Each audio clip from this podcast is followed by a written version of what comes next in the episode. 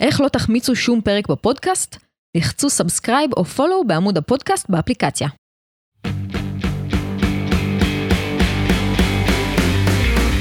ברוכים הבאים להשקפת עולם, הפודקאסט שבו אתם פוגשים את כתבי שקוף ושומעים את כל הסיפורים הכי חמים מאחורי הקלעים.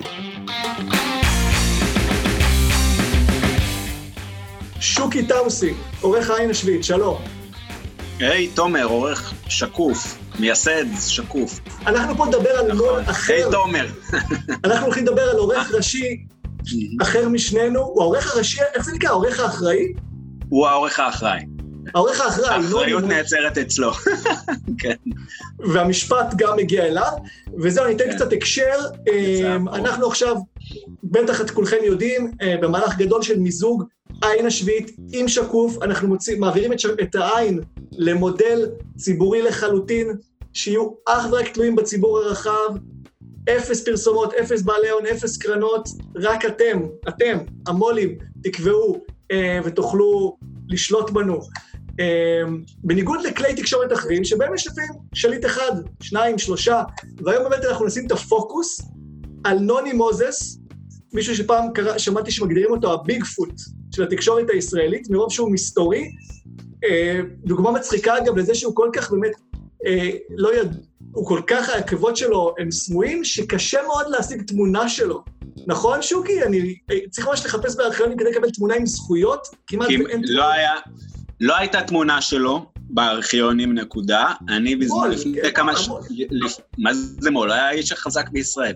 וביקשתי אה, מהסוכנות צילום שלנו, מפלאש 90, שילכו לצלם, ופעם אחת הם הלכו לצלם והמאבטחים כמעט הרביצו לצלם, לא נתנו לו, פעם אחת הוא הצליח לגנוב איזה תמונה, אבל עכשיו יש, כאילו לצערו, הוא במשפט פלילי, אז יש לנו תמונות שלו, ובגלל שזה גם הקורונה, אז הוא עם מסכה, אז בעצם הוא הונצח בהיסטוריה כעוטה מסכה, ככה הוא ייזכר, עם המסכת שודד הזאת, שיש בזה משהו מאוד, צדק אירוני מאוד. נכון, הוא היה צריך לפרסם תמונות של עצמו. אגב, הזכרת לי עוד אנקדוטה על העולם הישן שבו הוא חי. אני פעם אחת ביקשתי ממנו תגובה, זה שפרסמנו, אני חושב בשיתוף אולי איתכם אפילו, על העסקה שלו עם לב לבייב, שהוא מכר לו, הוא מכר ללב לבייב אחוזה, וה- והסיקור של לב לבייב היה מאוד חיובי באותה תקופה בידיעות. אז תקשיב לזה, היה אפשר לפנות לתגובה לנוני מוזס אך ורק בפקס. בפקס, אתה כעיתונאי יודע איזה מעצבן זה שאומרים לך תפנה בפקס, מילא לפני עשור, לפני חמש, עכשיו, ביקשו ממני, עכשיו, לפני שנה בערך, ביקשו ממני לפנות בפקס, זה היה ממש הזוי, אה, הייתי צריך להתקשר, לאשר לראות שזה יגיע, ובסוף קיבלתי פקס חזרה, הסיפור אינו נכון. אז שלחתי להם את, הטאבו, את האישורים מכירה, את כל המסמכים, לא ענו לי. אבל um, לפני שאנחנו חוזרים למוזס, רק עוד כמה מילים, אנחנו עכשיו בתהליך גדול של מיזוג, אנחנו צריכים לגייס לזה עוד בערך אלף מו"לים, עוד 30 אלף שקל אה, תמיכה חודשית קבועה כדי שנוכל להשלים את המהלך הזה, ונהיה בעצמנו מפלצת תקשורת, יהיה לנו את הזרוע של הביקורת כנסת, זרוע של ביקורת תקשורת, שזה אתם, שוקי. אה, אולי תן גם שורה אחת על העין השביעית, לא כל העוקבים של שקוף מכירים. העין השביעית אה, פועלת מ-1996, בהתחלה היינו, עוד לפני שאני הייתי שם, זה היה, כתב עת מודפס, ומ-2008 זה אתר אינטרנט, ואנחנו, כמו שאתם מסקרים את הכנסת, אנחנו מסקרים את, ה, את התקשורת. אה, זהו, בגדול, אפשר להרחיב, אבל בואו בוא נגיע לזה. זהו, לעניין. אז למה נוני מוזס? למה דווקא עכשיו נשים אותו על המוקד? יש לנו פרויקט משותף, משפט המו"לים. זה בעצם, אה, אנחנו בעצם היחידים שאומרים, לא רק, זה לא רק המשפט של נתניהו, תיק אלף, אלפיים, ארבעת אלף, יש פה גם מו"לים, גם התקשורת, גם התקשורת פה על, אה, על כיסא הנאשמים, ואתם עושים עבודה נהדרת בעין, לשים זרקור על הפעולות הפסולות שהם עושים. אני מקווה שזה יכול להוביל לריסטארט גדול בכל שוק התקשורת, ואחד מהמו"לים שעל על, על הספסל זה נוני מוזס, שמעטים בציבור, אתה יודע, היום כבר יותר מכירים אותו, אבל מעטים מבינים כמה הוא חזק וכמה הוא שולט בסדר היום, ובכלל כמה הוא שלט בשנות ה-90, ואני חושב שזו הזדמנות טובה לחשוף לציבור איך בעצם המנגנון שלו עובד. זה מנגנון ממש לא רגיל ולא מה ש... ממש, ממש לא דומה למה שיש לנו בשקוף ולכם בעין. טוב, להשוות את אה, האימפריה ההיסטורית של ידיעות אחרונות לשקוף עין השביעית, זה עדיין, זה לא, זה לא השוואה. שבכלל קיימת. אבל. אבל זה לא, אבל, רגע, אבל זה לא שזה לא דומה לעין השביעית, זה ברור שזה לא דומה וזה לא מעניין, אבל זה גם לא דומה לדברים אחרים. ולמה למה הכוונה? אבל, אבל הקדמה להקדמה. קודם כל, אמרת המשפט, אבל לא, לא אמר, רק נגיד איזה מילה על מי שלא בערך יודע מה מדובר.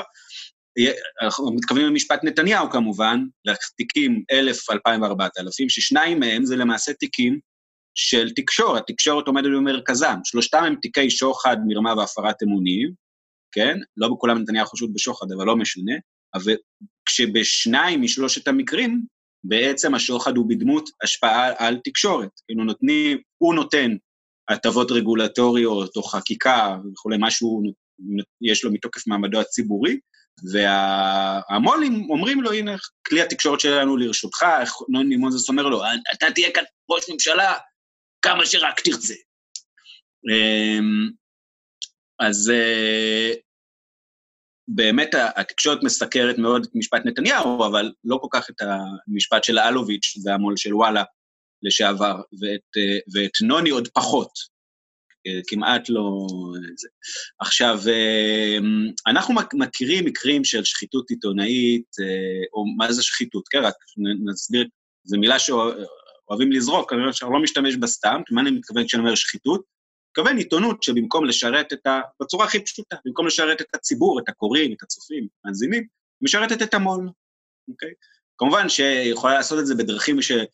שיכולות להיות עוד יותר ויותר טעונות בכחש ורמייה ואלימות וכולי וכולי, אבל קודם כל עצם העניין הפשוט הזה, שזה עיתונות שהיא אה, אה, משרתת אינטרסים זרים, אוקיי? זה, זה סיפור המעטפת שלנו. עכשיו, בתוך זה הכרנו כל מיני סיפורים, אני אתעכב על, על, על אחד מהם, אה, שהיה ב, בתחילת, אה, בתחילת העשור הנוכחי, נוחי דנקנר, שאולי, זה מצחיק כבר, אולי עכשיו כבר היום אפילו היה צריך להזכיר מי זה נוחי דנקנר, נכון? אבל נוחי דנקנר היה במשך עשור האיש החזק, ללא עוררין, בכלכלה הישראלית. פירמידת החברות שלו שלטה נדמה לי חמישה אחוז מהתל"ג בישראל, או התמ"ג, לא זוכר כבר. בכל מקרה, תמנון אה, רב זרועות ומולטי אה, מיליארדר וכולי וכולי וכולי. ובמשך חלק גדול מהשנים שבהם הוא היה האיש העשיר בישראל, הוא כמובן, כמו שאנחנו יודעים היום, היה בעל החוב הגדול בישראל למעשה. ולקראת סוף הדרך, שמבחינתו, אצלו זה ממש היה סוף הדרך, הוא, זה היה ממש כמו באיזה מחזה של שייקספיר, זאת אומרת, הוא גם איבד את ה-IDB, את האימפריה העסקית שלו, וגם נכנס לכלא. אבל לפני זה הוא אמר, חסר לי, חסר לי, חסרה לי החזקה אחת בתחום העיתון. כן, והוא נכנס, עכשיו, הוא, והוא קנה עיתון, כמובן לא בכסף שלו, בכסף שלנו, דרך חברה ציבורית בשם דסק"ש. וזה היה ממש בסוף הדרך כשהוא, החובות שלו איימו להיחשף, ומי שהוביל את זה היה רולניק, גיא רולניק, שאז היה עורך דה מרקר, הם חשפו את, ה, את החובות הפרטיים העצומים שלו, שהיו מעל הפירמידה של החברות ההחזקה הציבוריות וכולי וכולי, לא ניכנס לזה רק לענייננו, הוא באמת רוכש עיתון, את מעריב, ומחזיק בו למשך משהו כמו שנה וחצי, מפסיד 300 מיליון שקל. הוא מפסיד, כמה, אנחנו מפסידים. כמה, כמה שנים אפשר היה להחזיק את שקוף בעין שבועית ב-300 מיליון שקל? עד, עד החיים של, הילד, של התינוק שהסתיימו. כן. עד הנינים, נכון? כן. אז הוא שרף, שרף בשנה וחצי 300 מיליון שקל, מדהים. ואנחנו, היה לנו, עשינו איזה תחקיר גדול אחרי זה, והראינו, ושם זה ממש בצורה בוטה, רואים איך שהוא נכנס, הוא מעיף את העורך, שם עורך חדש בשם ניר חפץ, שהיום אולי גם אין צורך להסביר מי זה, עד מדינה נגד נתניהו. כן. ובאמת אדם שמעורב, הוא פורסט גאמפ של הלכלוך והזוהמה הציבוריים בישראל.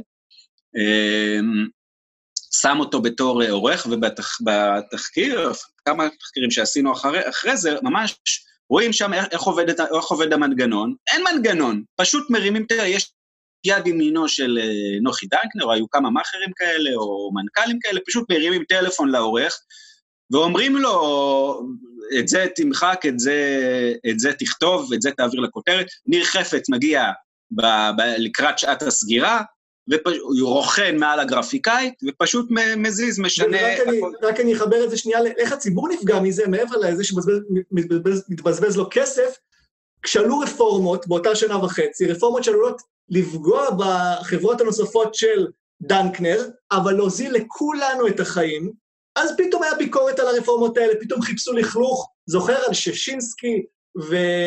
ופתאום כל חוק, החוק לצמצום ריכוזיות, ניסו לחסל אותו. כן. העיתון הזה היה... לא ששינסקי, ששינסקי זה הגז, זה סיפור אחר. לא, לא, לא, יש ששינסקי 2, יש גם... נכון, לא, רגע, אני, אני, אני צריך לבדוק את עצמי, הוא ביקר, אני זוכר שהם חיפשו את ששינסקי לאחר מכן, לא משנה, כן, אני זוכר... יכול להיות שגם אותו. זה היה נגד, זה היה בעיקר נגד דה מרקר, נגד התנועה לאיכות השלטון, נגד שלי יחימוביץ', כל מה שהיה קשור לוועדת הריכוזיות, אה, ש, שנתניהו אז הקים באופן אירוני, נתניהו הקים בשביל להילחם במחאה, שהייתה בגלל יוקר המחיה, שהייתה במידה גדולה בגלל החברות של, אה, אה, של דנקנר, הוא שלט אז, הרפורמה הגדולה שהוא ניסה לעכב, זה הייתה רפורמת הסלולר. כן. אמ, אז אתה שואל איך זה פוגע בנו, אז אפילו בלי להיכנס לניתוחים אבסטרקטיים על, על המשמעות של עיתונות בדמוקרטיה, אז זה פוגע בכיס בצורה הכי ישרה, הכי ישירה. שופרסל הייתה שייכת לו, סלקום הייתה שייכת לו, היה לו חברת, כלל, חברת הביטוח הייתה... אוקיי, שוקי, רגע, אנחנו בכלל אמורים לדבר על מוזס, אתה מבין... אנחנו מדברים על מוזס, אז אני רק... אני, נכון, כך, אני תמיד, אני, כן, יש לי נטייה להתפזר, אני אתמקד. אני רציתי להגיד שזה היה דוגמה למקום שבו אין, אתה לא שואל את עצמך איך המנגנון עובד, כי אתה פשוט רואה, הבוס מרים טלפון, זה מרים טלפון לעוזר שלו, ומשנים את, משנים את, ה, את הכותרת. סתם, דוגמה אחרונה שניתן בשביל לסבר את האוזן.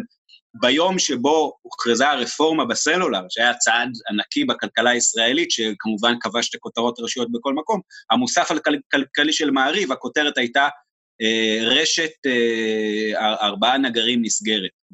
לא וזה בגלל, כן, שסלקום איבדה... בוודאי, זה, זה, כי זה פגע בו, כי זה פגע... בו עסקית, כי הוא נהנה מכל המאות מיליוני שקלים העודפים ששילמנו לחברות הסרט. ולעומת זאת המנגנון של נוני מוזס. מוזס, כשאתה מגיע למוזס, אז ה, uh, הסיפור הוא, הרבה יותר מורכב ומתוחכם. מוזס זה לא איזה טייקון שנוחת נוחת כאילו מהמטוס הפרטי שלו לתקשורת וחושב שזה uh, מערב פורו, שהוא בגלל שהוא, כמו שהוא רגיל ממחוזות אחרים, בגלל שהוא בן אדם עשיר הוא יכול לעשות מה שהוא רוצה ולדרוס את מי שהוא רוצה. מוזס הוא כבר דור שני או אפילו שלישי למשפחה שעוסקת בעיתונות, ו, ולצד, ולצד זה, לא פחות, עוסקת בשחיתות עיתונאית. זאת אומרת, עוסקת בניצול של העיתון לצרכים שלה. כשזה הולך אחורה, ידיעות אחרונות זה עיתון שמתחיל עוד משנות ה-30 של המאה שעברה, כן? זה עיתון אה, עם היסטוריה ארוכה. אה, הוא שייך לבעלים של בית דפוס, שכשהוא פושט את הרגל, הוא נותן את ה... לא היה לו כסף לשלם, אז הוא, במקום כסף הוא נותן את העיתון למי שהוא היה חייב לו כסף, שזה במקרה היה... אה, שזה במקרה היה אה, משפחת מוזס. אני, אני אתן לך פאוזה בסדר דברים, אני רק אגיד שמשהו, מה ששוקי סיפר רגע על נוחי דנקנר אגב, זה מתחבר למוזס בעוד צורה. לא יודע אם ראיתם לפני חודש, שבעה ימים, השער היה כתבת הלבנה ענקית לנוחי דנקנר, עוד מעט תספר איך זה, איך זה קורה מאחורי הקלעים, אבל זה היה פשוט מטורף לראות שפתאום הטייקון המטורף הזה שכולנו הפסדנו כסף בגללו, שהלך לכלא, בכתבה הזאת הוא יצא די טוב, הוא הסביר שם שהוא יחזיר את כל החובות שלו, ו- וכמה שהוא ירא שמיים, וזה זה אחד, עוד מעט נדבר על איך זה קורה, אבל ידיעות מומחים בהלבנת אנשים מושחתים, מסואבים, עבריינים. פעם הבמה שלהם הייתה כמעט בלעדית, מה שהם היו מוצאים ביום שישי, אז כל המדינה נשטפה בזה ונטו לחשוב את זה, אבל זה היה מדהים לראות שדנקנר, הבחור שלך, מי שבסוף, מי שכיום הולך כן. ועוזר לו ללכת שוב עם, עם גב זקוף, זה ידיעות אחרונות. אבל זה לא, זה לא במקרה, גם בזמן אמת. אה, הם, הם, זה העיתון שהיה נאמן לו לפעמים אפילו יותר ממעריב, היה קבוצת ידיעות אחרונות, היה כלכליסט, אה, שהגן למשל, שוב, אני לא יודע אם אני יכול להיכנס לזה עכשיו שעות, אבל uh, כל הסיפור עם דני דנקנר... אז בוא, רגע, עזוב את דנקנר, עזוב. בוא נחזור לנוני מוזס. מוזס, תמשיך את ההיסטוריה בקצרה, אז כן. המשפחה השתלטה, ו... בכל מקרה, אה, הם אה, מקבלים לידיהם עיתון, וכבר האירוע הגדול, ההיסטורי שאנחנו שקורה, האירוע המכונן של משפחת מוזס וידיעות אחרונות, זה קורה ב, במקביל למלחמת השחרור, כשהעורך המיתולוגי עזריאל קרלבך קם בוקר אחד, לוקח איתו את כל הכתבים, את כל העורכים, את כל עובדי הדפוס, כולל, כמו שהוא כותב שם באיזה מכתב, מחלקי העיתון, ה- הילדים התימנים שמחלקים את העיתון, אה, עורק לצד השני של המדרכה ומקים עיתון חדש, שאנחנו מכירים היום בשם מעריב. ובסיבות שהוא נותן, הוא... אה, אה, הרבה פעמים נוהגים אה, לצטט סיפור פיקנטי שהוא אומר, למה עזבתי, למה, למה ברחתי מידיעות, למה הקמתי עיתון חדש, וכשהייתי, שלחו אותי לסקר את הדיונים על הכרזת המדינה באו"ם. אנחנו מדברים על הקמת מדינת ישראל, ואני רציתי, ל, רציתי ל, ל, למהר לדווח. עכשיו, אז היו, שול, היו, היו אז טלגרף, היו שולחים טלגרמות. אז הוא אומר, אני שלחתי טלגרמה. עכשיו, טלגרמה אתה יכול לשלוח רגיל, כן. אתה יכול לשלוח רגיל. קצת יותר איטי מטלגרם, כן. כן. אתה יכול לשלוח רגיל, ואתה יכול לשלוח בהול. אוקיי? אז זה, לא יודע בדיוק איך עבד אז החוטים של הטלגרף, אבל זה היה מגיע יותר מהר, אלא מה? זה היה עולה יותר כסף. אז הוא אומר, אני, היה, אתה יודע, הכרזת המדינה, אז שלח טלגרם בהול. ואז יהודה, יהודה מוזס, הסבא של, של נוני, כעס עליו, אמר לו, מה אתה מבזבז את הכסף של העיתון? אז הוא אומר, יאללה, מה זה, הבן אדם לא מבין מה החיים שלו, מה זה? אז, והוא עזב. אבל האמת היא שזאת לא באמת הסיבה. כי אם קוראים, זה החלק שפחות מרבים לצטט, אבל שהוא מונה את הסיבות היותר משמעותיות שהביאו אותו לעזיבה, הוא אומר, כי הוא היה כל הזמן מתערב לי בעבודה, הוא אומר לי, לתעשיין ההוא אסור לכתוב, על הבנק ההוא אסור לכתוב, על, על העסקן ההוא הוא עובד איתנו. אתה אומר שזאת מורשת של 70 שנה, הרשימות מורשת... השחורות והלבנות? לגמרי. אני, עכשיו, בגלל שזה מורשת, אוקיי? אז זה גם קיבל, אה, קיבל צורה וסגנון מאוד מאוד מעניינים, כן? זאת אומרת, זה לא עובד בשיטה, אה, בשיטה אה, כזאת של, של חסרי ניסיון של זבנג וגמרנו, של מישהו שמרים טלפון ואומר, חסלו את ההוא. כן.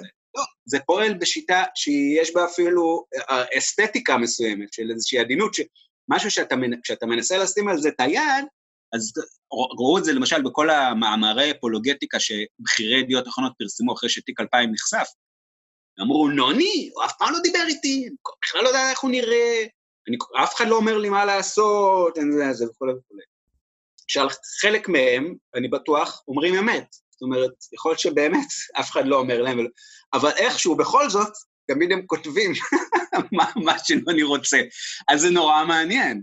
אני יכול לספר לך ש... כן, אני עבדתי בידיעות אה, לפחות חמש שנים, אף פעם לא אוקיי. פגשתי את נוני מוזס, הייתי בכלכליסט, הוא אף פעם לא הגיע לבקר, הייתי במקומון גם, הוא היה שם, השם שם למעלה, אבל יש לו את השליחים, בכל עיתון, בכל מוסף יש את הבן אדם ש, שידוע שיותר מקורב אליו, וגם יש, יש, איך שלי זה נראה מבפנים, זה אתה, קודם כל, לכוון לדעת מוזס, או לדעת ההנהלה, זה אומר שאתה לומד בעצמך מה אפילו לא להציע.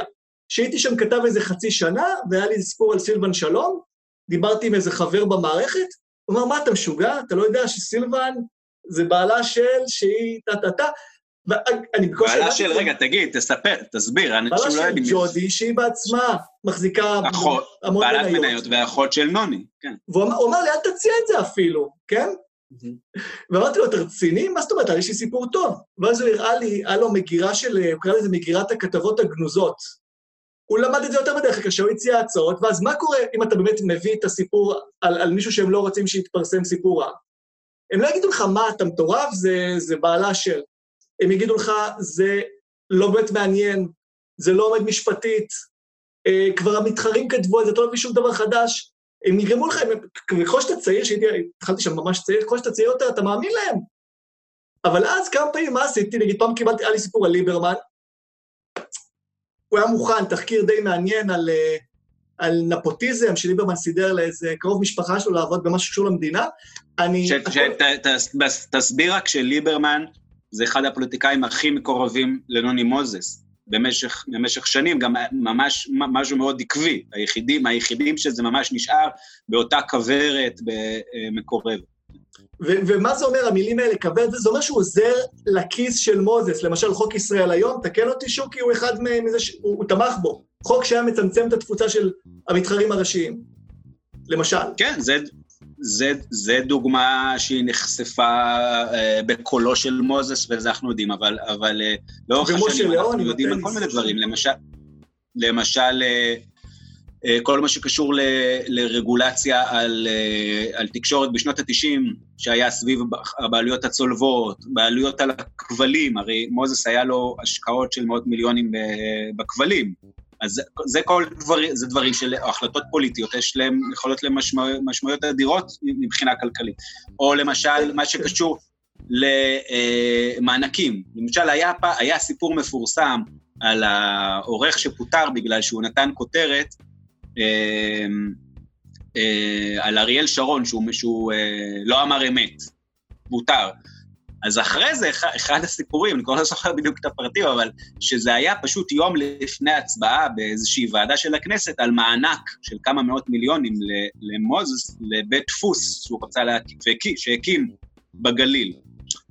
אז יש כאן כל הזמן כלים שלובים, כל הזמן הפוליטיקאים מחזיקים ביד שלהם כוח שהוא שווה למו"ל המון המון כסף. אני, אני גם רק אסיים את האנקדוטה, הסיפור הזה על ליברמן כבר היה מוכן, מה שנקרא מוכן לדפוס. על העמוד. כבר, מוכן על העמוד בדיוק, אני כבר, אני כבר לא בדפוס שש שנים, אבל על העמוד, ואז פתאום, אני, אנחנו לפעמים לא היו אומרים לנו בכלל אם זה נכנס או לא, למחרת אני רואה, זה לא שם. אמרו לי, כן, הייתה בעיה משפטית, טה-טה-טה, פתרנו את הבעיה, כל יום דחו את זה, דחו את זה, עד שפשוט הבנתי שזה לא הולך לקרות. אני יכול היום לספר שצלצלתי לאיזו ידידה שלי שעבדה בערוץ 2, בזמנו, ואמרתי לה את הסיפור, חשבתי שבאמת אולי הוא לא כזה שווה, וואלה, היא שמה אותו בפריים טיים. כי לה לא היה את ה... להם יש בעיות אחרים, בעיות אחרות.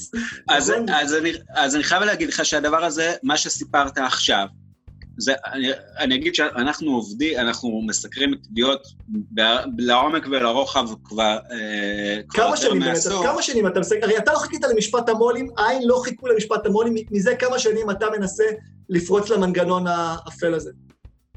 כן, מה זאת אומרת? מאז, מה, האתר אה, עלה לאוויר ב-2008, ומאז, ידיעות אחרונות אז גם היה הרבה יותר חזק מאשר הוא היום, אה, ובפירוש זה היה ברור ששם זה ראש הנחה של השחיתות בתקשורת הישראלית.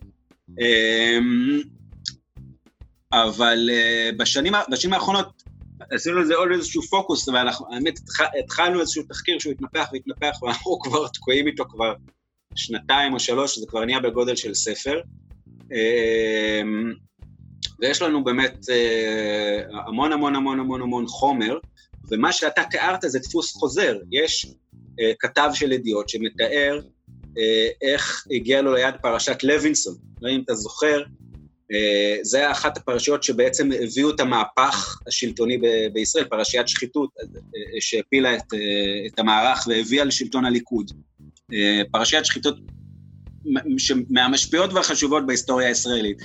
ואותו כתב מספר, היה לי את זה ביד, ולא לא נתנו לי לפרסם, כן, ידיעות אחרונות אז היה מאוד מאוד חזק, שלוב עם הממסד אה, של אה, מפא"י, למעשה במשך שנים ארוכות, לא זוכר, 20 או 30 שנה, אה, מפא"י למעשה החזיקה בסתר חצי מהמניות, 50 אחוז מהמניות של ידיעות אחרונות. וואלה, של... לא ידעתי. כן, כן, דרך אח של לבון, ההוא מעסק הביש. אמ, בוא'נה, זה, זה מרגיש כאילו אתה כותב על ידיעות כבר 70 שנה, לא 12 שנה. וכן, ואותו כתב מספר, היה לי ביד את הפרשייה הזאת. תחשוב, זה, זה כמו שלך יהיה ביד את, לא יודע מה, את תיק 2000.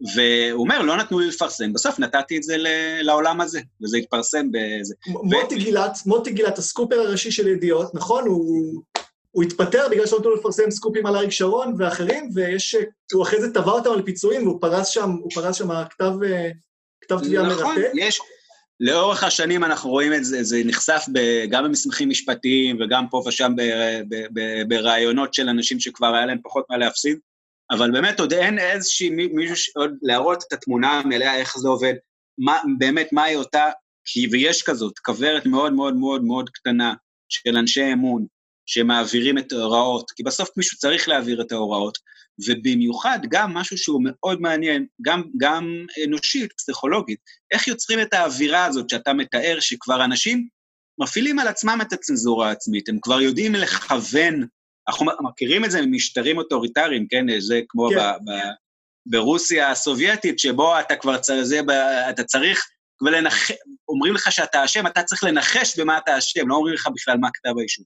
אז גם בידיעות יש איזה מין... אה, אגב, מאוד... יש, כן, אני עוד שנייה גם אשאל אה, שאלות מהפייסבוק, אני, אבל אגיד שמשהו מאוד מעניין בידיעות לדעתי, זה שהם גם עושים עבודה טובה, לפעמים. יש הרבה עיתונים שהם, שהם, שהם הם, הם פמפלטים, הם, הם כלום, כמו ישראל כן, היום. זה כבר לדעתי לא נכון, זה הרבה פחות נכון עכשיו, זה, אבל אוקיי, לאורך השנים... נכון, זה נכון, זה, זה, זה שלאורך... אבל מה שמעניין, שנייה, אני אקסם את הנקודה, מה שמסיים, הרי אם ידיעות אחרונות לא היו מפרסמים בכלל סקופים וחשיפות, אז, אז לא היה להם כוח. הם היו כמו מה? כמו מה הם היו? כמו ישראל היום. כמו, כמו ישראל היום. ישראל היום, אומר, אומר נתניהו בשיחות סגורות, אומר עם אנשים, ישראל היום זה עיתון שאין לו שום השפעה, זה עיתון, זה עיתון אה, אה, לא חשוב, זה עיתון, הוא משתמש גם במילים יותר, אה, יותר בוטות. אה, אה. למרות שגם זה... גם זה לשים כוכבית, קראתי, אני חושב, אצלכם, שהיה מחקר לאחרונה שהראה שישראל היום הזיז איזה שלושה מנדטים. כן, בוא נגיד, זה מחקרים... לאנשים, שחופים לאנשים, גם, רק תעמולה, גם אם זה רק תעמולה, זה, זה בסוף מחלחל. זה, זה משפיע, זה נכון שאם אם, אם נכנסת לקרוא את הכתבה על המחקר, אז היה שם גם הערות על המתודולוגיה שלו, כן. שהיה לנו כמה השגות עליה. זה בכל מקרה דברים שהם מאוד מאוד קשה לדעת, איך משפיע התעמולה על המון, על מיליוני אנשים. ואני, זה, זה חצי בגדר ניחוש לפה ולשם איך זה. מה, מה שבטוח, אבל עזוב, בלי, בלי להיכנס לשאלה אם זה באמת משפיע או לא, אנחנו רואים שהבן אדם שבשבילו הוקם העיתון אומר, אומר שזה לא משפיע, והוא גם מתנהג ככה, אתה רואה שהוא מנסה לכרות ברית עם נוני מוזס, למה אתה מנסה לכרות ברית עם נוני מוזס? במחיר של החלשה של ישראל היום, כי אתה סבור שישראל היום לא משפיע. למה ישראל היום לא משפיע וידיעות אחרונות כן משפיע? כי ידיעות אחרונות הוא גם אה, אה, עושה עיתונות. נכון. הוא עשה לפחות. הוא מאוד מאוד מאוד מאוד נחלש בשנים האחרונות, בין השאר בגלל שה... וזה, שוב פעם, חלק מכל הסיפור. אותו מנגנון מורכב של שחיתות, הוא, אה, אה, אה, ככל שהמצוקה הכלכלית גברה, אה, והתחרות עם ישראל היום גברה, והשחיתות נהייתה יותר ויותר בוטה. והדבר הזה כי, קיבל... כי גם המודל הכלכלי שלהם הרי עובד על... זה מודל מיושן על פרסומות שהולכות ועוברות לפייסבוק, והוא צריך לייצר הכנסות בכוח, הוא צריך להשתמש באמצעים... לא, זה לא... זה... זה נכון ולא לא, נכון. אני מתכוון, אני מתכוון, אם נוני מוזס היה, אם היה לו הכנסות אדירות, הוא לא היה צריך את חוק ישראל היום. בגלל שהמודל הכלכלי של עיתונות מסורתית הולך ונשבר, אתה חייב להשתמש בדרכים עקלקלות כדי לשמר את ההגמוניה, כדי לשמר הכנסות. לא. למה? אני, אני לא חושב, אני לא חושב שאתה צודק. קודם כל, כפי שנחשף לאחרונה, זו שמועה שכבר מתרוצצת שנים ארוכות, ועכשיו מישהו העלה אותה על הכתב, מישהו מתוך ידיעות, דירקטור בידיעות אחרונות, שהוא אה, יוצא דופן שם, שהוא לעומתי, הוא, הוא, בלי להיכנס כאן לכל ההיסטוריה, אבל הוא ממשפחת יודקובסקי, נוני כן. בזמנו הדיח, ונשארו להם קצת מניות. אז הוא, הוא העלה על הכתב את השמועה הדי מהממת שהסתובבה במשך שנים, והגיש אותה לבית המשפט, וזה שנוני הפסיד מיליארד שקל מכספי ידיעות אחרונות בהימורי אה, מטח, או הש, השקעות מטח, נקרא לזה, אבל כאילו, לשחק, לשחק במטח זה, זה, זה, זה כמו להמר. ועזוב, אה, כאילו, עזוב ישראל היום, עזוב משבר העיתונות, עזוב כל מה שאתה לא רוצה. שמע, אם יש לך בור של מיליארד שקל... מה שאתה אומר זה שהוא איש עסקים כושל, ולא משנה מה גוגל, פייסבוק, הוא בכל מקרה צריך אה, לשחק מלוכלך כדי להמשיך כן, להרוויח. כן, תראה, מה זה, אתה אומר, יש משבר העיתונות המודפסת, אבל, אבל ידיעות אחרונות הוא הקים את וויינט, uh, שהוא היום האתר הראשון או השני הכי... אני, אנחנו נמשיך לחפור, כי יש הרבה מה להגיד, אני רוצה לתת uh, במה ל... Uh, ל RR, ככה קוראים לו, הוא שואל האם הפוליטיקאים יודעים ומכירים את מה שאנחנו אומרים, ועד כמה הם משתפים פעולה שבש, שבשתיקה עם השיטה. אתה רוצה להתחיל או... מה זאת אומרת, השיטה לא הייתה עובדת בלי, אה, בלי הפוליטיקאים. יש את אלה ש... מש... כן, יש את אלה שמשתפים פעולה ונהנים מהעיתון ונותנים לו מחסדיהם ו... ולהפך, ויש את אלה שנסחטים ומאוימים על ידי על ידי העיתון. זאת אומרת, יש אה, משני צדדי, צדדי, אבל ברור, העיתון, זה, כן, ההון שלטון עיתון זה לא סתם סיסמה בשביל פייסבוק, זה דבר אמיתי, יש שלושה, שלוש תחומים, שלושה שדות מרכזיים שהציבוריות פועלת בהם, הזירה הפוליטית, הזירה התקשורתית והזירה הכלכלית. ובהחלט, מי שמשתמש בעיתון שלו בצורה מושחתת, מי שמשתמש בכלי תקשורת שלו בצורה מושחתת, אז הכל חלק מיחסי הגומלין מול הזירה הכלכלית והפוליטית, אחרת אין, אין משמעות ל, לשחיתות. הוא, הוא, הוא רוצה טובות הנאה מאנשי עסקים, הוא רוצה טובות הנאה מפוליטיקאים, ולהפך, הוא מאיים עליהם או מנסה לסחוט אותם. ואני אסביר מה זה בפועל אומר, למשל, קח את חבר הכנסת אה, איציק שמולי, כן?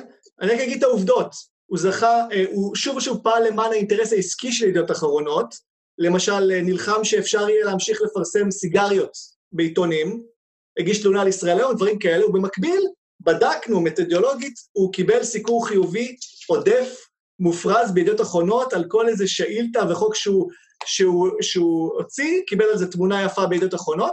אה, שמולי כמובן לא היחיד, שמתי לך בתגובה RR בפייסבוק עכשיו קישור, עשינו, עשינו מפה, אה, נעזרנו בעין שביעית כמובן, מפה של כל הזיקות של פוליטיקאים עם ידיעות אחרונות, אתה יכול לראות את את כל הסיפורים שאנחנו מכירים, איך ממש עיתונאים מקבלים סיקור חיובי אחרי שהם עשו משהו לטובת העיתון, או, או אפילו ממש העבירו לו תקציבים ממשלתיים, זה קורה כל הזמן, אז, אז כן, פוליטיקאים מכירים את זה.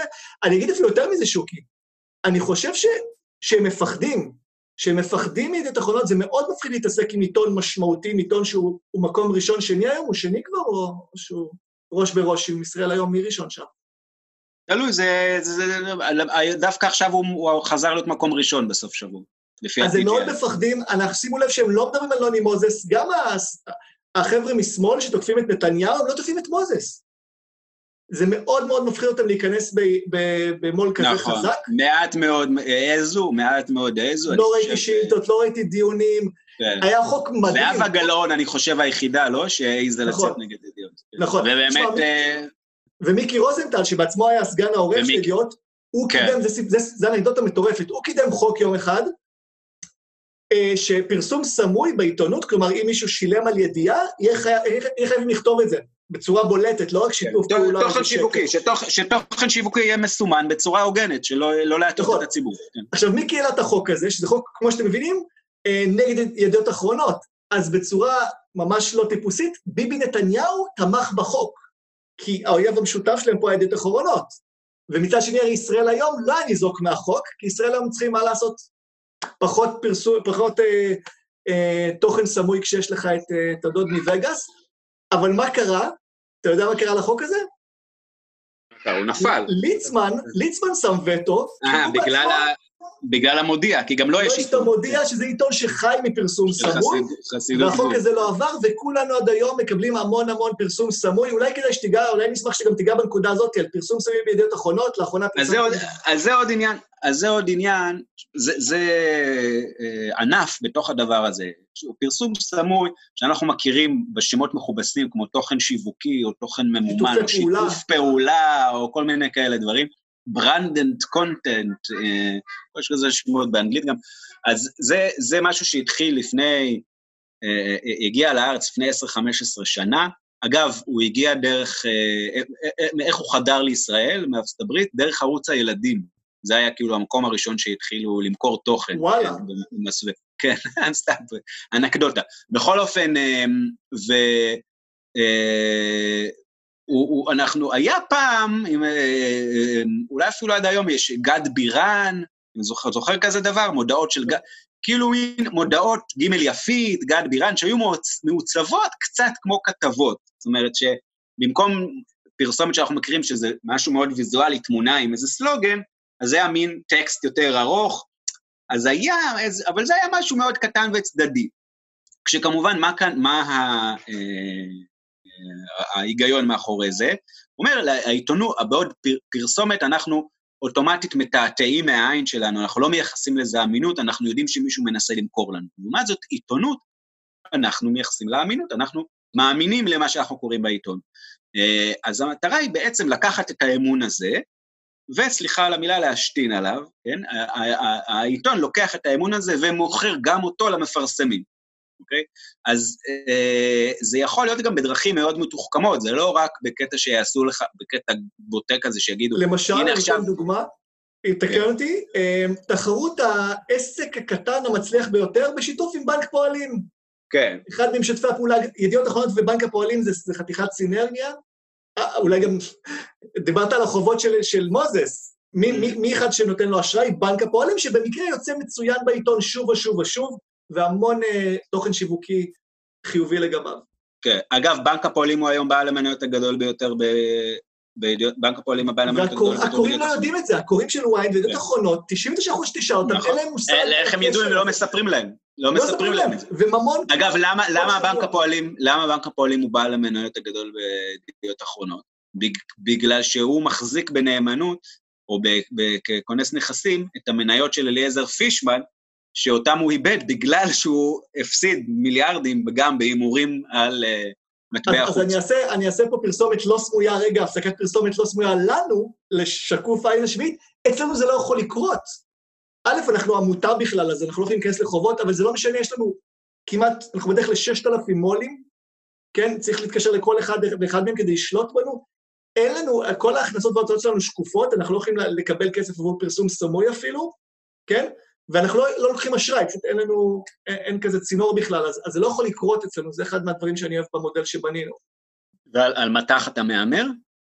אני לא מהמר, אבל... אה, לא. סליחה, אני כן משחקתי פוקר השבוע, אז אני לא רוצה אה, אוקיי. להמציא דברים, ש- אבל לא, ש- לא, לא יפסיד. מהמר מטח. שוק, יש פה שאלה מעניינת של שמואל ארצמן, הוא שואל האם האינטרסים, האינטרסים לאתרוג של אריק שרון היו גם כלכליים. אז זו שאלה מאוד, מאוד מעניינת. אה, קודם כל, יש לנו עדויות שכן, למשל אותו סיפור על המענק לבית דפוס, שזה אנקדוטה, אבל... או באמת כל מיני דברים שהיו קשורים אז, בוא נגיד על פניו, אפשר בהחלט למצוא סיבות כלכליות למה ירצו את תמיכתו של אריאל שרון. אבל יש כאן גם עניין, מעבר לזה, אמ, שוב, לא פרסנו כאן את כל היריעה, כי זה באמת, אה, אפשר לעשות הרצאה של שעה וחצי, רק, רק בשביל להיכנס לתוך זה, אבל של שנה יש- וחצי. שנה וחצי. אתה כותב ספר. אבל יש דבר מאוד מעניין, הקשר בין נוני מוזס לאריאל שרון הוא, למיטב ידיעתי, הוא מגיע דרך דובי וייסגלס. דובי וייסגלס זה עורך דין אה, מערבב מאוד מאוד מאוד ר- רציני, היום כבר פחות, אבל בזמנו זה, הוא אצלו גדל, מי גדל אצלו? אל, אלדד יניב. וואלה, אה, לא זכרתי. כן. אז וייסגלס אה, עזר, ל... הוא היה קשור למשהו אישי שעבר על נוני ב... באותה תקופה, שזה היה מאבק גירושים מאוד מאוד קשה ומכוער, עם אישה שלקחה את הילדים לחו"ל, והיה מאבק חוצה אוקיינוסים, להחזיר את הילדים לאותה משמורת, וזה עניין אישי שנוהל בצורה מאוד מאוד מאוד אגרסיבית. ומי שסייע לנוני בזה, לפחות בין השאר, היה וייס שהיה, שהוא עורך דין. ואז, במקרה או שלא במקרה, גם אריאל שרון מת, מתמנה לראש ממשלה, ווייס גלס, שהוא מאנשי אמונו, מתמנה להיות מנכ"ל משרד ראש הממשלה. ואז בעצם, ועם אותו פורום החווה המפורסם, אם אתם זוכרים, כן? שזה אה, חבורת היועצים והמאכערים שמתקבצים סביב שרון, אה, על כל המשתמע מכך, ושם נוצר, נוצר הקשר עם, עם נוני. עכשיו, נוני, ידיעות אחרונות מחובר לשלטון גם קודם, כמו שאמרתי, בזמן שמפא"י שלטה כאן, מפא"י גם היה להם, בסתר החזיקו חצי מהמניות של העיתון. זאת אומרת, ידיעות אחרונות זה, זה עיתון שעובד עם השלטון, לא נגד השלטון. אבל אצל שרון כבר ממש, הסימביוזה נהיית ממש כבר כמעט משפחתית, וככה זה גם ממשיך אחרי זה. אני חושב שהוא התקשר כל בוקר לנחום ברנע, שרון מהדרך, אני קראתי את זה. אני, לדעתי, מי שסיפר את זה זה שמעון שיפר, לא נחום ברנע, אבל לא משנה, אותו דבר. לעיתונאי בכיר של ידיעות אחרונות, ראש הממשלה התקשר כל בוקר והעביר את המסרים. היה שם סימביוזה, היה שם סימביוזה רצינית ביותר, שנמשכה גם אחרי זה עם אולמרט. הרי ידוע לנו, אנחנו זוכרים מהתמלילים, מהאזנות סתר לשולה זקן, שהיא אומרת, כש, כשנוני שומע שאולמרט זוכה בשניים משלושת האישומים שהיו אז, הוא רקד בחדר, אוקיי? עכשיו, לדמיין את נוני מוזס, האיש הזה רוקד, זה כבר, זו תגובה מאוד, מאוד קיצונית. זה לא בן אדם שאני חושב שהוא רוקד בדרך כלל. בכל אופן, זה ממש, אה, זה, זה, זה פמיליה, כאילו, זה ממש, יש כאן קשרים שהם... אה, אני, אני, אני רוצה להוסיף כוכבית. אינטימיים. אני אוסיף כוכבית. יש עיתונים שמאלניים, כמו הארץ, שזה אג'נדה גלויה. יש עיתונים ימניים, כמו מקור ראשון, יש עיתונים ביביסטים, כמו ישראל היום, ויש עיתונים שאיך שאני רואה את זה, האג'נדה שלהם היא כסף, כן? שזה ידיעות אחרונות, יום אחד הם נראים לך שמאלנים, יום אחד ימנים, זה בגלל, כי לא מעניין אותם בכלל הסכם שלום ומלחמה, מעניין אותם מי הפוליטיקאי שקידם את היוזמה X, האם הפוליטיקאי הזה הוא בצד שלהם או לא. שמע, תומר, אני לא יודע, אני לא יודע, אם, לא יודע אם זה בכוונה עשית את זה עכשיו. מה, על מקור אבל... ראשון שהוא של שלדון? לא, 아. אה. לא, אבל מה, מה שאמר, הנאום שנתת עכשיו, זה הנאום שנוני מוזס בעצמו אומר לנתניהו, בהאזנות, זה לא האזנות סתר, זה משהו שנתניהו, נתניהו הקליט. נתניהו הקליט, היה חלק מהשיחה, זה לא האזנת סתר. כן. נתניהו הקליט, ואתה איתי עדיין או שנפל? כן, כן, הוא אמר, לא מעניין אותי, לא, אתה מטורף. הוא אומר, לא, פשוט קפאת לי בזה. ומוזס אומר, אז שוב, יצא לך אולי במקרה, אבל זה ממש, אלה בדיוק המילים של מוזס. הוא אומר, אני לא שמאל, אני לא ימין, מה שמעניין אותי זה לעשות כסף. כבר הסיפור. ואגב, אה? אגב, אני גם, אני גם אגיד פה שנייה את האג'נדה שלי, ונחזור למואס, שזה לא בסדר, כן? כי, כי נכון, עיתון זה עסק, אבל זה העסק הכי יפה בדמוקרטיה, כי, כי התוצר שלו אמור להיות שירות ציבור, אה, מלחמה בשחיתות, תיקון עולם. ברגע שדבר היחיד שמעניין את העיתון זה כסף, את כולם שם, אז פשוט הוא לא יכול לעשות את זה, כי זה מתנגש, זה מתנגש עם, עם, עם, עם לבקר את השלטון ועם לתקן. טוב, עד ששוקי אה, חוזר אלינו, אני אה, אענה לעוד שאלות. מישהו שאל אותנו בפוסט ש, ש, שסיפרנו שזה הולך לקרות, אה, למה אני לא תובע את אלי ציפורי? אז הגיע הזמן שאני אספר שאני אני אף פעם לא הגשתי תביעת דיבה על, אף אחד, אני חושב שזה אמצעי מאוד מאוד קיצוני, במיוחד עיתונאים, אנחנו, שיש לנו, שיש לנו במות, יש לנו מיקרופונים, יש לנו עוקבים, אנחנו צריכים מאוד להיזהר עם זה, כי יש לנו המון המון כוח גם ככה להגיד את, להגיד את עמדתנו. זה אמור להיות, התביעה הזאת היא אמורה להיות הכלי של החלש, של הנפגע כלכלית. בגלל זה, אגב, כל כך צורם לי שעמית סגל עכשיו בפרנזי של, במסע של תביעות דיבה נגד אזרחים, שראש הממשלה תבע אזרחים. האנשים האלה, לדעתי, לא צריכים, לא צריכים ללכת לבית משפט, הם האנשים החזקים, גם כלכלית, אה, גם מבחינת אה, במות לדבר עליהם. ציפורי, אני, אני, הנה, אני, אני מכחיש את זה שיש לי כוח, אני לא יכול להגיב 70 פעם ביום, אבל הוא אומר שאנחנו ממומנים על ידי הקרן החדשה, שקר, בכם לא קיבלנו אף שקל שהוא לא מ, מהציבור, שזה תמיד תרומות קטנות, קבועות, התמיכה הממוצעת בנו היא 30 שקל, התמיכה המקסימה הייתי 1,000 שקל בחודש, שמנו את התקרה הזאת, למרות שאנשים רצו לתרום יותר, כדי שלא נהיה תלויים באף אחד.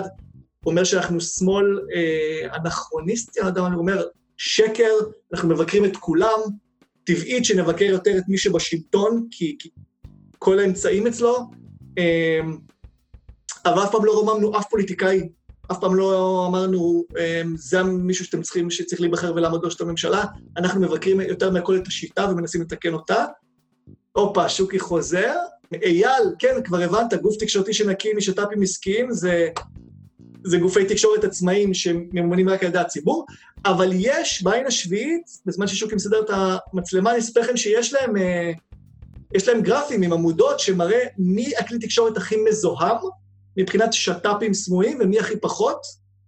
אני עכשיו זוכר, שוקי יתקן אותי, אה, אני זוכר שוקי שב-2016 אני הסתכלתי, אני חושב פעם אחרונה על הגרף הזה, והארץ היה הכלי תקשורת שיחסית לא מזוהם, מבחינת שת"פים, וויינט היה הכי מזוהם, גם כן. מאקו יחסית, אבל... אה, תקשיב, אני רוצה לדבר שנייה על תיק 2000. תגיד, אתה אומר שאין לנו מושג איך המנגנון באמת עובד מבפנים, כי לא היו הקלטות, כאילו שנים זה מה שחשבנו, כולנו, מי שעבד שם ומי ש... שעוסק בביקור... בביקורת תקשורת, הבין, הבין, אתה יודע, ראה את כל הנעלמים וחיבר בעצמו את המשוואה, ואז יש לנו את ההקלטה של הקודקוד מספר את השיטה ללא פחות לראש הממשלה, כן? קח אותי רגע, אני, אני רוצה קצת צבע, איך אתה, ביום שאתה שומע, שאתה מתחיל, לא שומע, שאתה מתחיל לקרוא את התמלילים, שאתה רואה שזה בדיוק מה שאתה מדבר עליו, אפילו אולי יותר גרוע, איך, מה, מה זה, מה זה עשה לך?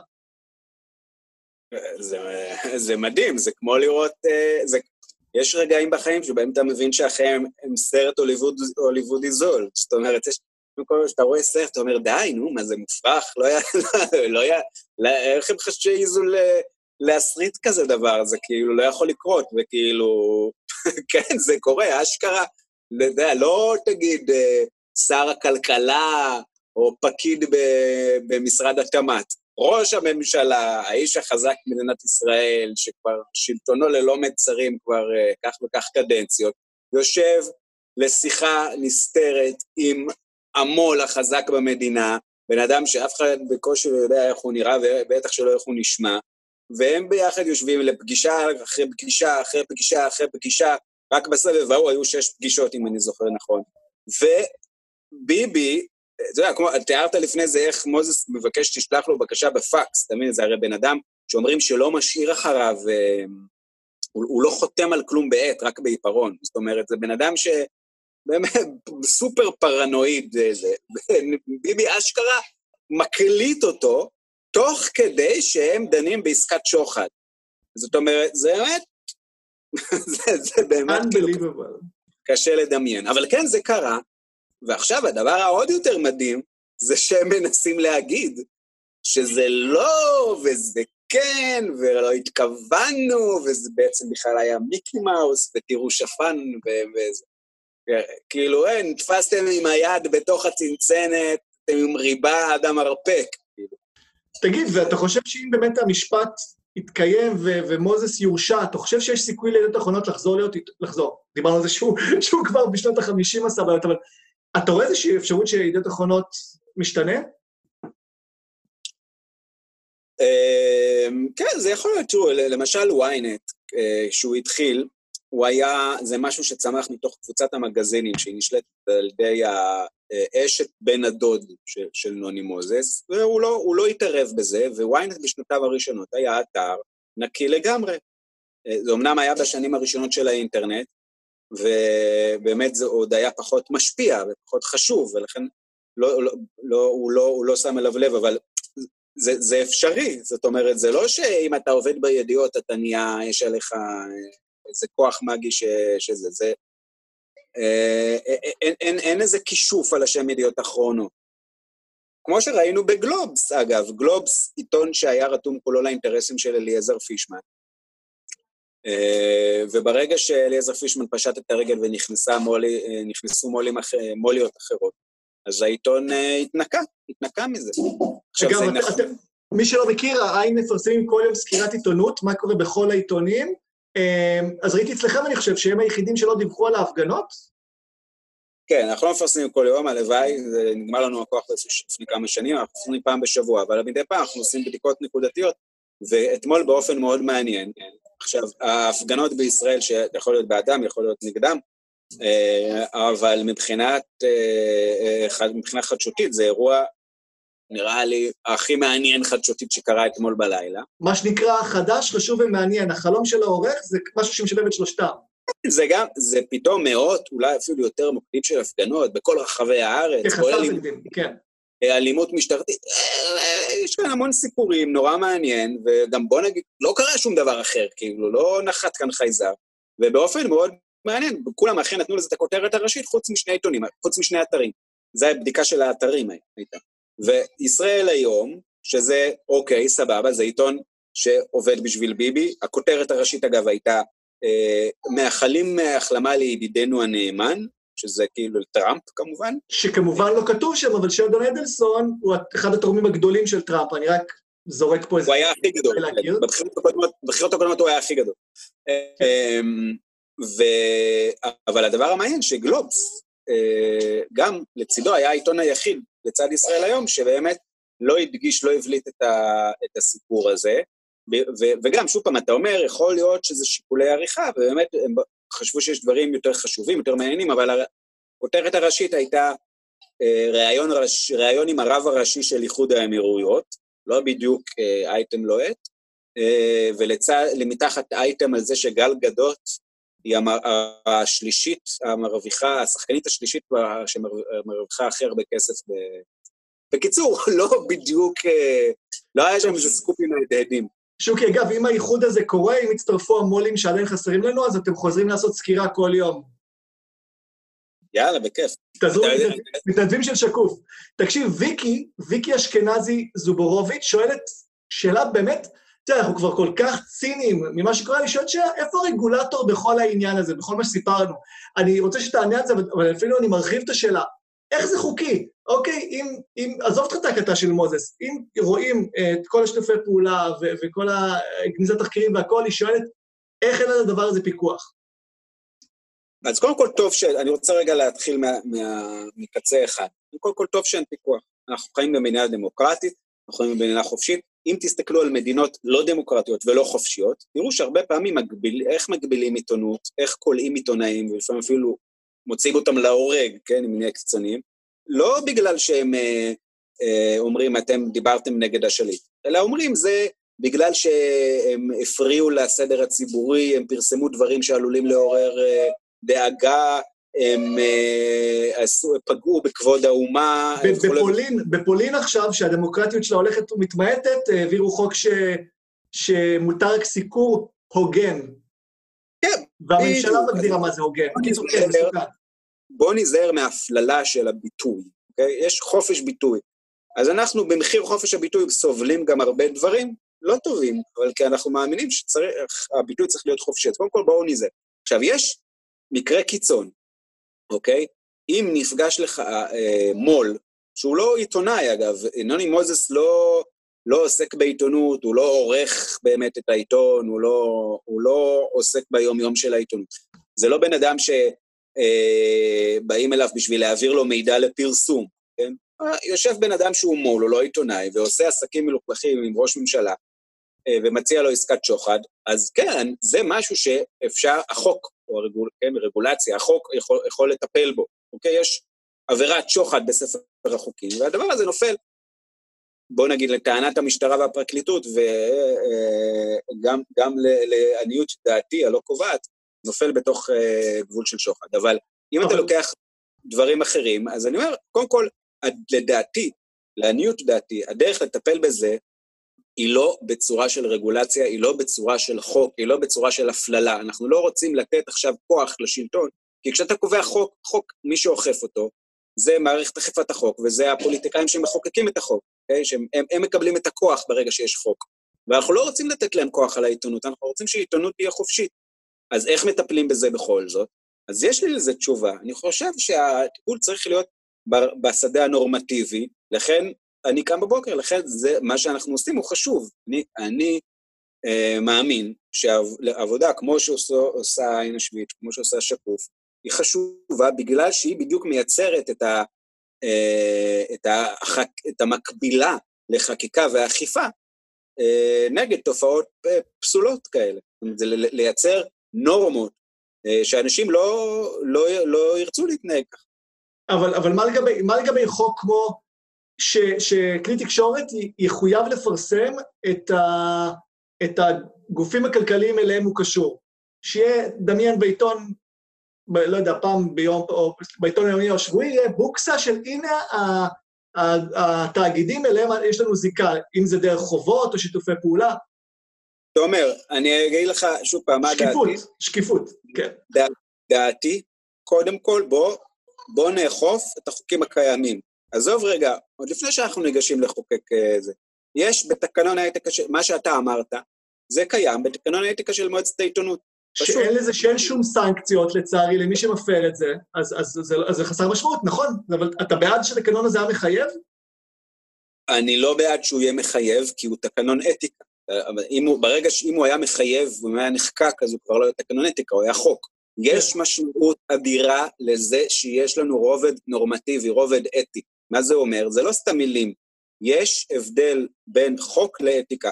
אנחנו רוצים שאנשים אה, יתנהגו כמו שצריך, גם בלי שהאיום עליהם יש... תשמע, תשמע, אני, אני מסכים איתך בעולם אידיאלי, אני מסכים איתך בעולם אידיאלי, אבל, אבל התקשורת... לא, לא, זה לא אידיאלי, זה לא אידיאלי. תגיד את הנקודה שלי. בניגוד ל... לא יודע מה, לענף הבנייה, או לא יודע, זה ענף, ענף התקשורת זה ענף ייחודי, כי הוא זה שמתווך לנו את המציאות. ברגע שהענף הזה בעצמו בנוי בצורה מעוותת, אז אנחנו אפילו לא נדע, כלומר, אנחנו לא נדע בכלל שהם מפרים קוד אתי, כי הם אלה שמשדרים לנו את המציאות. הפתרון הוא לא יבוא מחקיקה, הוא לא יבוא מהפוליטיקאים שהם חלק גדול מהבעיה, והוא לא יבוא מאיומים משפטיים.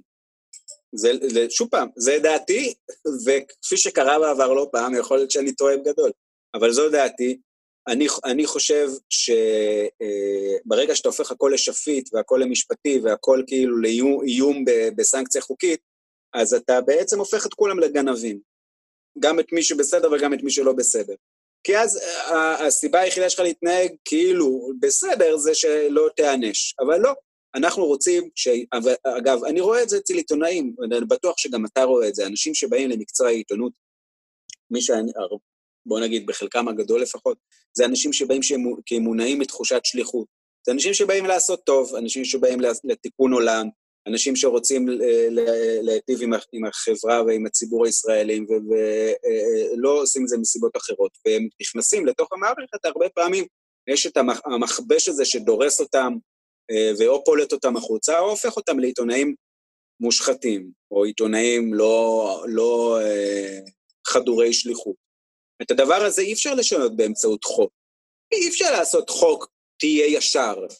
אין, זה לא סתם ש... לא, ב... נכון.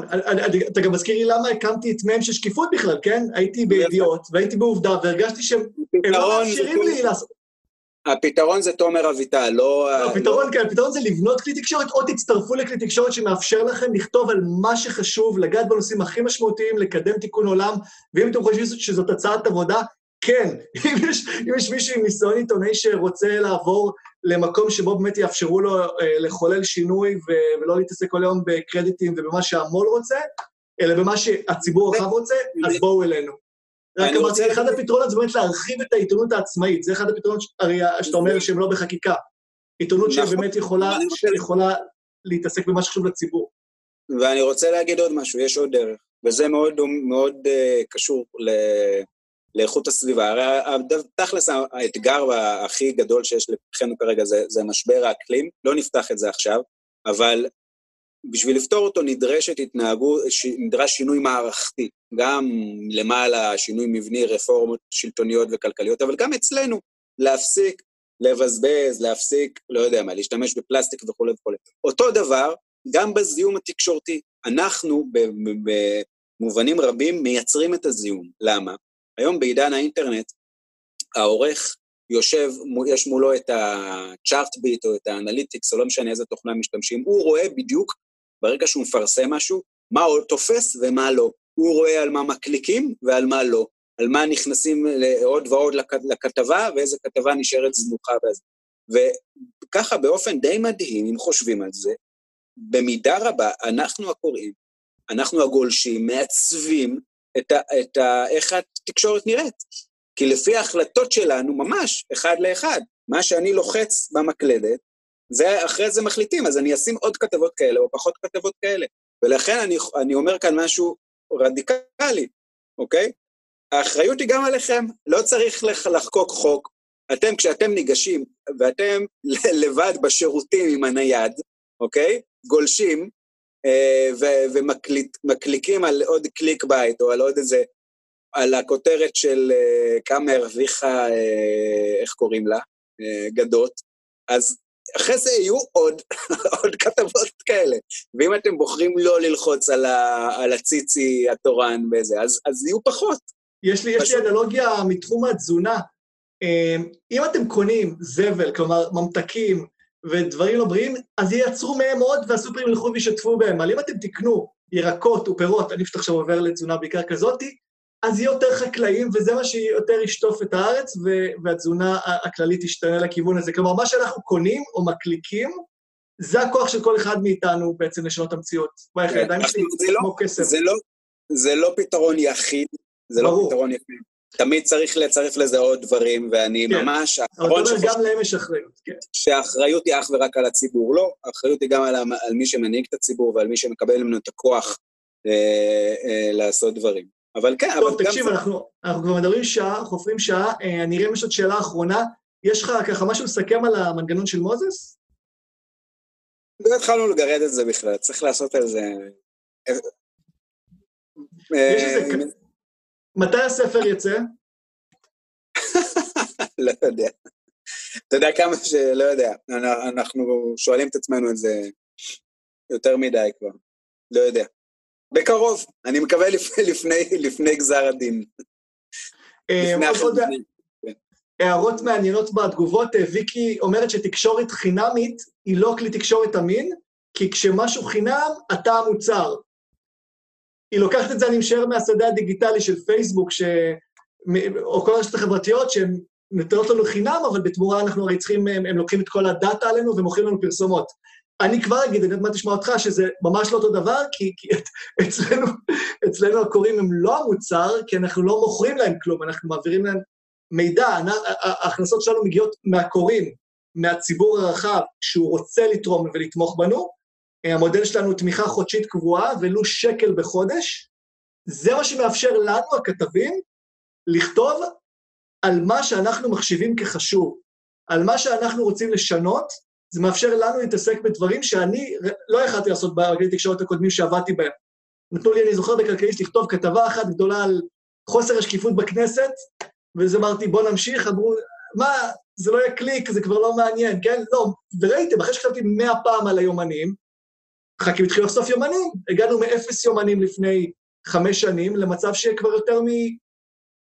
יותר מ-50 ח"כים עד היום, 60 כבר פרסמו יומנים, סתם דוגמה. אה, דברים משתנים רק כשחופרים עליהם, וזה מה שתקשורת חינמית, חינמית במובן של, אה, של אה, צריכה חינמית מאפשרת. אבל היא כן, גם, גם ynet הוא חינמי, אבל שם זה משהו אחר לגמרי, נכון? שם, שם מעבירים לכם דרך פרסומות ו, ותוכן שיווקי מסרים. אתה רוצה להגיד על זה משהו? גם ערוץ 12 ו-13 הם חינמים. היום רוב התקשורת היא לא עובדת במודל של מנוי. גם העיתונות המסורתית, ההיסטורית, אה, לא הייתה בתשלום. למעשה זה היה חידוש מרעיש שהתחילו לקחת כסף על, אה, על עיתונים. זה בכלל לא מובן מאליו. אבל אה, בוא נגיד, אני רוצה להגיד משהו לגבי הסיסמה הזאת, אם זה לא... אם אתה לא משלם אז אתה המוצר, אני חושב שסיסמאות הן תמיד לא נכונות. אבל זה נכון, כן. זה משהו אחד, ולא נכון למשהו אחר. עוד הערות מהתגובות, נעמי נידם, עורכת בשקוף שהיא עכשיו בחופשת לידה, היי נעמי, היא העלתה לינק לכל ההמלצות שלנו, איך כן אפשר דרך רגולציה לתקן את הכשלים שדיברנו עליהם, בלי לפגוע בחופש הביטוי ובחופש העריכתי. אז תיכנסו ללינק הזה, אה, כתבה מצוינת של מאיה קרול בנושא הזה. יש פה עוד שאלות, אגב, אני לא יודע, שוק, אם אתה עד כדי כך אה, טכנולוגיה על, על עיתונות מבוזרת, בלוקצ'יין, שמעת על זה? אנשים שואלים אם זה אה, משהו ש... כן, מה זה, מה זה פותר? זאת אומרת, אה, אם, אם אתה מצליח לנטרל את ההטייה אה, של, למשל על ידי זה שאתה מבזר את המממנים, כמו שאנחנו עושים במודל תמיכה ש, שלנו עכשיו, אז מה זה משנה אם זה בבלוקצ'יין או בדולרים או בגמלים? כאילו, מה... או שאני לא מבין, יכול להיות שאני לא מבין את השאלה. כן, כן, לא, גם, אני לא מבין, הוא מתכוון שהבלוקצ'יין חלקי, אם זה במימון או בכתבות עצמם, אם הוא ירחיב אני אספר. אמ, אבל כשאתה ניגש, כשאתה ניגש לקרוא עיתון, יש לך אין ספור כלים לקריאה ביקורתית, איך אתה, אולי תיתן גם ככה טיפים על קצה המזלג, איך אתה מפרק, אתה יודע, את האינטרסים, את מה שבאמת קורה פה, איך אתה יודע אם להאמין לכתבה הזאת או לכלי תקשורת הזה, מה, מה רץ לך בראש שאתה ניגש לידיעה או לכלי תקשורת? אה, אז באמת אפשר... סליחה ששמתי לך ככה זרקור על משהו שלא תכננו. לא, אין שום בעיה, בכיף. אפשר להגיד את זה בלי סוף דברים. אני סתם אתן עכשיו דוגמה שעולה לי בראש מאתמול, אתמול, אתמול, שלשום, כתבתי את הסקירת עיתונות השבועית שלנו, ו... אז למשל ניגשתי לשער מעריב, אה, והיה כתוב שם, אה, תחקיר מעריב, בלעדי. אה, משהו, אין באמת, הנתוני קורונה הם מוגזמים, בגלל שיש כאן יותר מדי בדיקות, והם לא כמו, הם רגשות בחו"ל, ולכן יש כאן מספר גדול, אבל באמת זה לא כצעקתה וכו'. אוקיי, בסדר. מעניין, נכון? גם פרובוקטיבי ו... אז איך, איך הם מפרקים את זה? עכשיו, קודם כל, אבל כאן נדרש איזשהו ידע מוקדם, קודם כל זה מוזר, למשל, אתה אומר, למה, למה עיתון כמו מעריב מפרסם תחקיר? מעריב זה עיתון שמחזיק מערכת מאוד מאוד קטנה ומצומצמת, שנשענת בעיקר על פובליציסטים וכותבי טורים, פתאום הוא מפרסם תחקיר, זה, זה מעט מוזר. אוקיי, מדפדפים פנימה. אתה יכול, אתה יכול להחזיק את הטלפון ופחות לזוז? בצורה יותר יציבה? תודה. אה, תפסיקו להזיז את הספה, אני אומר את הספנים. אמ, בקיצור, נכנסים פנימה, ואז אתה אה, קורא את הכתבה. עכשיו, בכתבה, קודם כל, אתה רואה מובא, מובאות דווקא דעות לכאן, אה, לכאן ולכאן.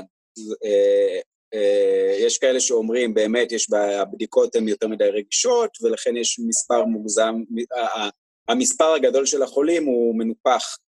לעומת זאת, אחרים שמסבירים לך שזה הכל קשקוש אה, אחד גמור, והכל נערך לפי התקנים הבינלאומיים אה, וכולי וכולי. בכוונה לא נכנס כאן לפרטים, כי אני רוצה לדבר על העיקרון. עכשיו, מה העיקרון? עכשיו, אתה, מס, אתה מסתכל, קודם כל, למשל, אתה רואה שכמעט כל מי שטוען את הטענה הכאילו אה, חתרנית וזה, הם מקורות אנונימיים, אוקיי? עכשיו, מדובר כאן על ידע מקצועי רפואי, כן? זה לא איזה מידע פנים שגרון עמוק מגלה לך ממשהו שהוא חווה, אוקיי? אבל אתה רואה שמשום מה זה מובא באנונימי. למה הרופא הזה לא מוכן אה, להזדהות, אוקיי? אז זה כבר מדליק נורה אדומה.